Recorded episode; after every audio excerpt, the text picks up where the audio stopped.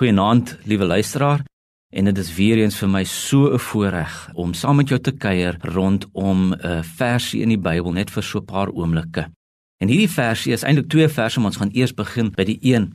Uh, baie bekend, Matteus 11 vers 30 waar ons lees: "Want my juk is sag en my las is lig." Ander vertaling sê: "My juk sal sag op julle skouers rus en my las lig om te dra."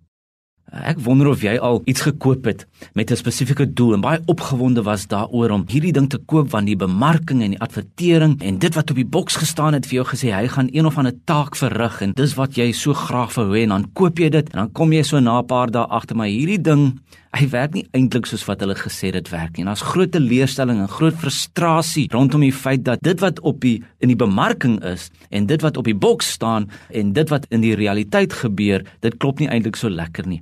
En ek wonder of daar nie 'n paar Christene is, 'n paar kinders van die Here is wat na hierdie vers kyk wat ons nou net gelees het. Want my juk is sag en my las is lig. Dat hulle daarna kyk en sê, Here, ek weet dis u woord, maar kry so swaar soms om dit te beleef, Here. Dis asof ek so moeilik vind om aan u vereistes te voldoen en in plaas daarvan dat die juk sag is, Here, voel dit asof die juk swaar is. Dit voel asof die die las wat daar op my is om net om u te probeer dien, Here, is so swaar en Dis asof ek nie lekker verstaan hoe wat u bedoel nie. Alles behalwe voel dit lig en sag, Here. En ek moet bely dat dat dit nie altyd so is nie en miskien is dit juis belangrik dat ons bietjie kom kyk na hierdie vers en miskien veral besef dat hierdie vers het 'n vers wat hom vooraf gaan. Hierdie vers het 'n vers voor hom, vers 29. En daar leer ons dat Jesus sê: "Neem my juk op julle en leer van my." Want ek is sagmoedig en nederig van hart en veral dan die woorde leer van my. sien, dis wat eintlik die Here wil hê ons moet doen. Hy nooi ons uit om by hom te kom sit en leer.